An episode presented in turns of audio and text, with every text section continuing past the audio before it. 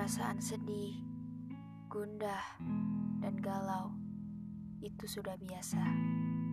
Karena setiap individu pasti memiliki masalah yang berbeda-beda. Baik itu masalah kecil, besar, rumit, maupun sederhana pun.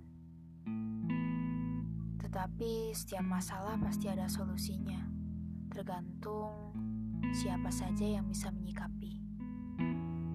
Jika kita bisa merenungi bahwa masalah itu ternyata bisa dijadikan pelajaran untuk kita agar lebih baik ke depannya.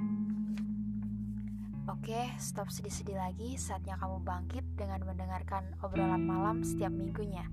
Bersama aku Fariski di catatan pena.